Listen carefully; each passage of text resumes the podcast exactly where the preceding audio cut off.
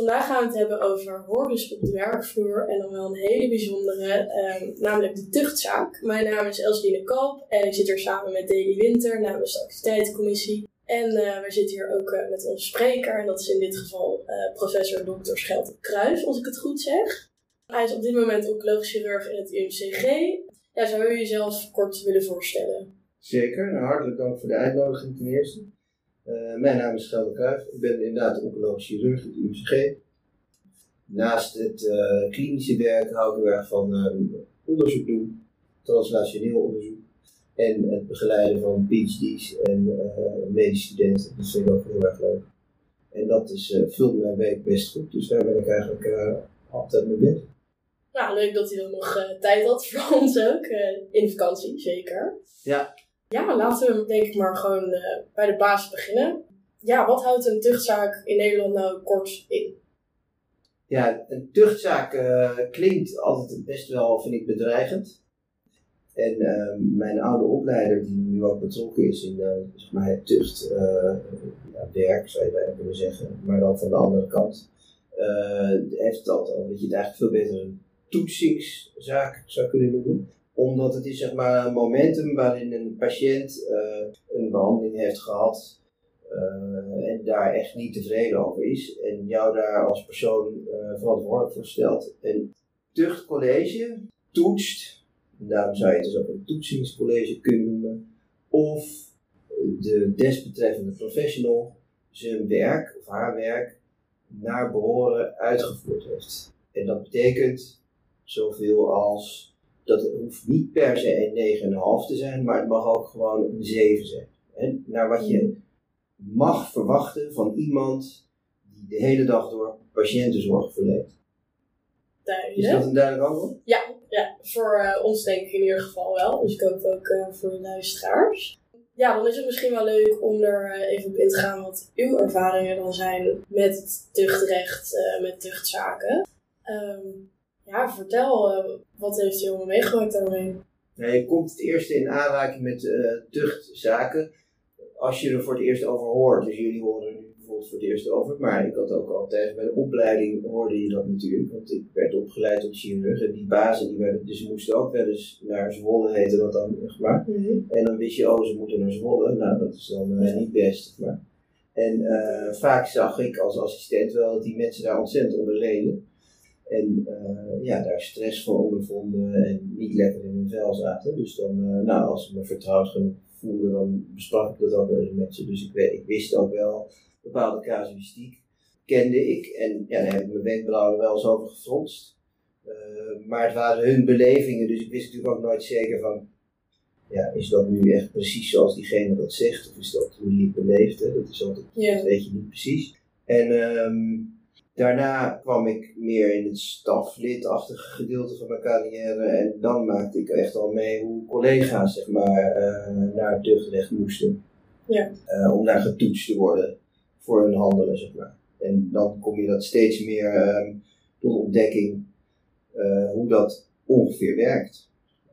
En zo is het begonnen, ja. um, totdat zelf een keer uh, mijn pineut was. Maar daar wil je het waarschijnlijk over hebben. Straks. Ja, hoe dat zich vertaald heeft dan, die, wat je dan verwacht, zeg maar, van wat je hebt gehoord en uh, misschien uh, half hebt meegemaakt van collega's om je heen. Ja. Hoe, hoe is dat dan zelf? Ja.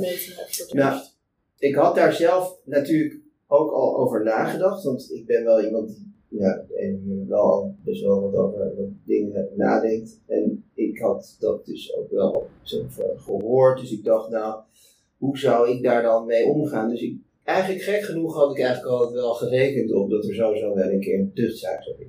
Ik dacht, ja, het is wel heel naïef om te denken dat ik niet uh, aangeklaagd zou worden. Komt het zoveel voor dan? Ik denk in de chirurgie, ja, ik zou elke chirurg adviseren om er rekening mee te houden dat ze een keer voor het tuchtcollege komt. Ja, okay. Heeft dat dan zin? Nou, ik werk zo, uh, ik vind het fijn om, uh, ja, laat zeggen, net als dat je in de auto zit en je lekker band hebt, dat je dan ook, uh, zeg maar, iets hebt om die band te vervangen. Ja. Um, of dat je zo'n bord kan neerzetten zodat je niet wordt aangereden, zeg maar. En dat is zeg maar in je armentarium als chirurg, dat je nog een beetje in je hoofd hebt van hoe zou ik me nou aanpakken als ik dus een tuchtzaak krijg. Ja. Want je zit in een vak wat extreem, uh, waar mensen extreme dingen meemaken, patiënten. En ja, dat levert ook extreme emoties op en ook extreme uh, teleurstellingen, denk ik. Dus ja, dat, meestal niet, want ja, het is een heel dankbaar vak, dus de meeste mensen zijn hartstikke blij. Uh, of ja, soms dankbaar, uh, ondanks dat de behandeling niet gelukt is. dat bestaat ook heel erg. Maar er zijn ook mensen bij wie het en niet gelukt is en heel teleurgesteld zijn in hun behandeling. En gek genoeg zijn er zelfs mensen bij wie het wel gelukt is en die ook teleurgesteld zijn. Dus kortom, het gaat allemaal om uh, verwachtingen. En als die verwachtingen anders uitpakken, dan kan dat soms een weerslag hebben op de zorgverleners. Dus je begint eigenlijk een beetje met een soort mediaten. En dan ja, klachtencommissies zijn een beetje, naar mijn mening, ik weet niet of ze het er zelf mee zijn, maar een soort mediating commissies. Okay. Uh, ja. ja, je zet degene die het probleem heeft met degene die het probleem veroorzaakt heeft tegenover elkaar en kijkt van, goh, als we nou eens met elkaar praten, uh, wat uh, levert het op? En zijn mensen daar altijd bereid toe om met u in gesprek te gaan? Nee, nee. Sommige mensen die willen natuurlijk ook boos blijven, gewoon graag. Sterker nog, ik ben soms, ik heb soms het gevoel dat mensen bewust niet willen om bijna dat ze bang zijn dat ze hun moeder verliezen. Uh, want je weet, ja, je kent het misschien zelf wel eens als je boos bent geweest, dat je gewoon niet met iemand wil praten, omdat je denkt, uh, nou, loop naar de pomp. Maar, ja. En dan ga je er toch mee praten en dan hebt het toch weg. Mhm. Ja, dat is nu heel menselijk eenmaal. En op die menselijke eigenschappen denk ik dat die klachtencommissies inspelen. En dat is denk ik heel verstandig, want feitelijk moeten we proberen verschillende meningen op te lossen door begrip te creëren voor elkaar situatie. Ja. En als dat dus niet lukt, dan krijg je dus vaak een aanklacht bij het uh, tuchtcollege. En het tuchtcollege is dus een professioneel beoordelingscollege. Dus gaat erom dat als het tuchtcollege vindt dat jij niet naar behoren hebt gefunctioneerd, dan krijg je daar een straf, een professionele reprimande voor. Dan wel. Ja, volgens mij, ik zit, ik ben, zoals jullie net al zeiden, niet een soort tuchtexpert, want ik ben ervaringsdeskundige, maar je krijgt volgens mij een waarschuwing, een berisping, uh, is volgens mij de lichtste vorm, een waarschuwing komt daarna en daarna een schorsing. Ja. Al dan voor altijd of kortdurend, etc. Oké. Nou, uh, maar het kan ook, de patiënt, die moet een klacht indienen. Maar ze kunnen ook gewoon, zoals in mijn geval het geval was, dat hele stapje overslaan. Je weet helemaal van niks. En dan in één keer ligt er een envelop op je deur. Ja. Snap je? Dus uh, dan heb je nooit zo iemand gesproken, dan is het out of the blue skies. Ja, um, wat ging er toen doorheen? Je ziet dan die envelop en wat dan? Nou, toen dacht ik, oké, okay, nu is dus dat moment daar. Um, ja. Nee, het is niet, ik moet je eerlijk zeggen, maar ik ben ja, wel een relativerend persoon, zeg maar. Dus hmm. ik sta ook in dit vak. Het hangt heel erg vanaf hoe je in je vak staat, denk ik. Ja, ik sta in dit vak zo als volgt. Ik doe mijn best, elke dag. En ik ben ook een mens, dus ik heb soms ook andere problemen en dan gaat het misschien minder. Of Ja. thuis, of et cetera. Maar ik doe elke dag mijn best. Hmm. En ja, als men op een gegeven moment zegt, nou jij kan daar niks van, ja, dan ga ik iets anders doen. Snap je? Dus Ja. het is niet voor mij zo, en het lijkt me ook onverstandig om het vak zo te beleven, dat de chirurgie mijn leven is, zoals sommige mensen willen zeggen. Ja. Eh, lijkt me onverstandig. Het leven gaat over veel meer dan de chirurgie. Dus op het moment dat ik zo'n envelop krijg, dan is het wel heel belangrijk, ook een beetje hoe je in het leven staat. Denk ik wel. Dus ehm, ik denk ook dat, dus omdat vroeger chirurgen, eh praat ik dan over, toch zich ook vereenzelvigden met hun professionele identiteit. Hè, zoals dat heet, ik ben chirurg Jan, zeg maar. En niet ik ben Jan en in mijn vrije tijd ook, in mijn vrije tijd, in mijn andere tijd ook chirurg. Hè. Dat is het nu meer aan het worden, zeg maar. Ja, Hè? En dat maakt heel veel uit, want als jij zeg maar Jan de chirurg bent, dan als die chirurg valt, dan is Jan ook weg, zeg maar, snap je? Ja. Eh, en dat maakt heel veel uit. Zo sta ik niet in de wedstrijd, dus, maar leuk is het niet. Ik kwam net terug van vakantie Nee. En nou, dan denk je toch, god, je krijgt toch wel wat zweet op de rug. Ja. zeker. Is het u als persoon ook veranderd in de tuchtzaak? Nee, daardoor dus niet. Nee, het is gewoon. eh, nou, ik, ben, ik kwam dus echt letterlijk thuis. Dus de auto zat nog vol met bagage, zeg maar. Dus, en mijn vrouw kwam dus met die envelop. En ze zei, nou ja, oké, het is eh, nou, goed. eh gingen we even wat drinken. Zo van, nou, we zijn net thuis. Eh, nou, ik ga even naar boven. Ging niet maar wat drinken. Ik ga even uitzoeken wat het precies is. Ja. Dus heb ik die envelop opengemaakt en gewoon eh, heel snel doorgescand. Want toen herkende ik de casus wel direct. Oké. En Ja. was er ook al vermoeden dat dat misschien Nee. niet zou gebeuren rond? Nee, dat niet. Mm, nee. Nee, niet echt. Oké. Maar het was, ik zal verder niet op de casus ingaan, maar ik kan wel globaal iets over zeggen. Het was, eh, want dan kun je het wat beter plaatsen, maar het gaat om een patiënt eh, die een bepaalde behandeling heeft gehad, eh, Ja. die initieel goed leek uit te pakken, maar later, eh, een aantal jaren later, plotseling een slecht beloop kreeg doordat de ziekte plotseling eh, progressief werd. Ja. En eh, achteraf hadden die mensen het gevoel dat er initieel andere dingen hadden moeten gebeuren, of meer, of meer gecontroleerd. Ze hadden in ieder geval het gevoel dat als het systeem daar boven, meer bovenop had gezeten, dat dan Mhm. die, dat noodlot voorkomen had kunnen. Ja. Dat was eigenlijk de issue. Oké. Ja, het komt op mij haast een beetje over alsof mensen dan eh, iemand zoeken om maar de schuld te geven of zo. Want op een ziekte kan je niet per se boos worden, lijkt me. Maar zou je een, een tuchtzaak misschien ook niet, niet zo kunnen zien dan? Dat een patiënt gewoon maar iemand zoekt? Nou, het is zo dat het doel van een tuchtcollege of systeem Mhm. is naar dat ik realiseer ooit geweest dat we de kwaliteit, we willen een transparante indruk maken. En ehm, dus wij willen ook transparant zijn. Van nou kijk, als wij iets niet goed doen, dus het is ook in ons voordeel. Hè? Het is niet alleen maar een dreiging. Je moet eh, transparant zijn. Dus, eh, nou, toets ons maar. Daarom zou ik het ook een toetsingscollege noemen. Blijf Ja. het herhalen. Dus dat, dat moet er zijn. Mhm. Punt. Alleen het doel is dat je dan ook de kwaliteit van je zorg goed wil houden. Dus het is een soort, Ja. soort oppositie, een soort scherphoudsysteem. Hè? Dat wij Mhm. niet laks worden. Ja.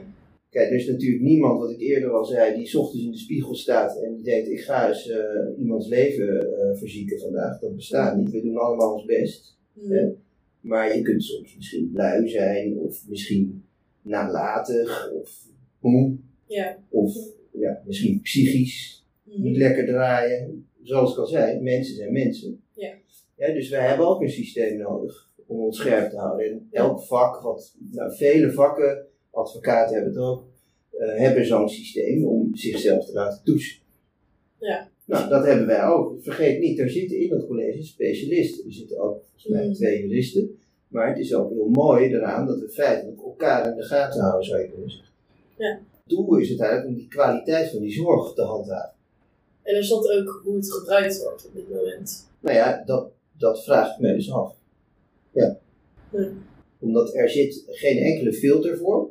Dus zeg maar in dit geval deze patiënt, als die klacht binnenkomt, ik wist zelf ook niet hoe dit werkt hoor.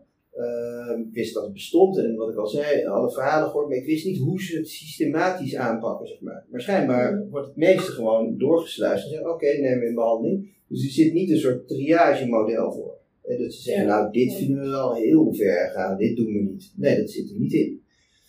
Ja, als je wil weten waarom niet, dan moet je iemand van het tuchtcollege eh, proberen te benaderen en die interviewen wat hun beweegredenen erachter zijn. Maar ik Ja. vermoed dat dat is dat ze natuurlijk anders bang zijn dat eh, wij een soort noodpicking gaan doen van nou die wel, die niet. En dan gaat Ja. alsnog de buitenwereld zeggen dat we elkaar ehm, beschermen. Zeg maar. Dus Ja. Mhm. Ja, want zo'n tuchtzaak kost dat veel tijd. Ja, dat kost heel veel mensen heel veel tijd. Zeg maar. Deze eh, patiënt had volgens mij drie mensen tegelijk aangeklaagd. En nou, die kost allemaal heel veel tijd. Dat kost de advocaat heel veel tijd. Eh, mijn baas en mijn afdelingshoofd was er nog bij betrokken, die kostte tijd. En dan, die zijn ook allemaal meegegaan daar naartoe. Dat kost tijd. En dan uiteindelijk moet het college daar ook zitten. En Ja. dat kost ook tijd. En die moeten het allemaal weer verwerken en advies geven. Dus uiteindelijk ben je zo een jaar verder. Mhm. En dat was nog best efficiënt. Ik ken ook wel casus die anderhalf jaar. Of... Zo. Dat is dan nog het eerste deel, want dan het ook nog zo zijn als het verworpen wordt, dat dan de patiënt naar het centraal tuchtcollege gaat. Ja, want dat is dan in Den En dan komt er Haag. zo weer een jaar bij. Ja, dat is dan inderdaad. Oké, ja. En in die tussentijd mag een arts dan wel zijn vak uitoefenen. Ja. Ja, nee, gelukkig wel, want dat zou eh, Ja. wel echt heel vervelend zijn. Mhm. Ik denk dat we dat ons ook niet kunnen permitteren in de zorg. Nee, dus laat zeggen, dat is een goede vraag overigens, maar een dysfunctionerende dokter kan je er, ja, eh, misschien na verloop van tijd dan uithalen, maar ja, dat zou dus nog jaren duren voordat je zover bent. Dus daar is naar mijn mening dit systeem niet, primair geschikt voor. Maar, hè. Dat zou, als, als er gedisfunctioneerd wordt, dan moet een leidinggevende iemand aan de kant zetten. Dat, dat kun je niet aan het tuchtcollege uh, alleen overdragen. Dat kan helpen. Ja, dus er is ook bijvoorbeeld niet ja, dat je weet hoor, maar dat er iets is van, oké, je kan drie keer in een jaar tegelijk dan zo'n aanklacht krijgen en dan moet je eruit of zo, dat, dat bestaat niet. Nee, nee die, die zaken die worden feitelijk uh, separaat behandeld. Mm Maar ja, het kost natuurlijk tijd, maar het, lijkt me ook best wel gewoon emotioneel best wel zwaar en persoonlijk. En eh, ook omdat het meer tijd kost, misschien alleen al. Merk je dat aan mensen, dat het wel echt een invloed heeft? ja, het verschilt denk ik gewoon heel erg per persoon. Kijk, niemand zit erop te wachten. Maar ik heb dus met name, daar heb ik wel veel aan gehad, aan die opleider die mij dus heeft opgeleid, die dus zei, je moet het zien als een toetsing. Want zo heb ik het mhm. toen ook echt helemaal ingestoken. Maar dus toen dacht ik, oké, dan moet je dus nu ook niet zeuren. Dan moet je nu ook tijd ervoor maken, zeg maar. Gewoon zeggen van, oké, die dag indelen, ik wil het ook voorbereiden, ik wil, et cetera. Niet dat je nog even rats, rats en doorwerkt en het on the side nog even s'avonds en s'nachts ja. erbij doet, want dan ga je echt overboord. Dit is onderdeel van je werk. Hè? Het is niet jouw schuld, misschien wel, maar dat zie je wel later wel. Hè? Maar uh, dus moet het bedrijf ook tijd uh, verlenen om jou ook op een uh, goede manier voor te bereiden. Daar hebben we ook advocaten gesprekken gehad, twee, drie keer, goed voorbereid. Ook gehad over hoe gaan we daar naar binnen. Je hebt gewoon echt ja, als een soort, uh, zoals ik ook mijn studies voorbereid, gewoon uh, stap voor stap gedaan. Ja, dacht, als het dan moet, dan doe ik. Maar gewoon goed. Ja, een soort professionele toets dan nog als Zo heb ik het geïnterpreteerd, ja. ja. Dus voor totdat, laten we zeggen, tot aan dat het ook daadwerkelijk plaats ging vinden, stond ik er best goed in. Mm. En had ik het ook goed voorbereid. Ja, en u was er dan al best wel bekend mee, maar uh, wij bijvoorbeeld totaal nog niet. Ehm, ja, wat, wat vindt u daarvan? Dat het nog best wel onbekend is, dat het dus echt wel een onderdeel is van je werk, zoals je net zei. Ja, ik vind het een heel goed punt. Ik denk dat je daar gewoon mensen, je kunt hier mensen heel makkelijk op voorbereiden. Maar kijk, wat mensen die weten, ziekenhuizen hebben vaak advocaten. Die over het algemeen, uh, maar je, uh, of huren ze in, hè, uh, die daar veel van af weten. Dus daar wordt ook van alles over rondbezuid, zeg maar. Want toen ik het had, toen zijn ook allerlei vrienden van mij die in het medische circuit zaten van, nou, je moet altijd iemand anders inhuren, want die anderen zijn niet goed genoeg die je krijgt en allemaal dat soort dingen. En nou, hier in het UMCG ze dat gewoon goed geregeld. En um, ja, heb ik gewoon gebruik gemaakt van de faciliteiten die er waren. En ik dacht, ik ga nou niet gekker maken dan het is. En net zoals dat je als dokter zelf ziek bent, dan moet je ook gewoon de lijnen volgen die er zijn en niet in één keer allerlei rare dingen gaan doen. Dus ik dacht, meestal is gewoon dat wat er is, is goed en moet je daar ook, uh, zo sta ik erin, gebruik van maken. Dus we hebben dat voorbereid. was ineens zo toen we ja, bij die tuchtzaak zelf kwamen, dat ik ondanks de voorbereiding toch later wel dacht van jeetje, dat is toch wel echt. Toen kwam het bij mij het gevoel dat dit niet meer een goed systeem uh, is. Ja. ja. Dus daarna?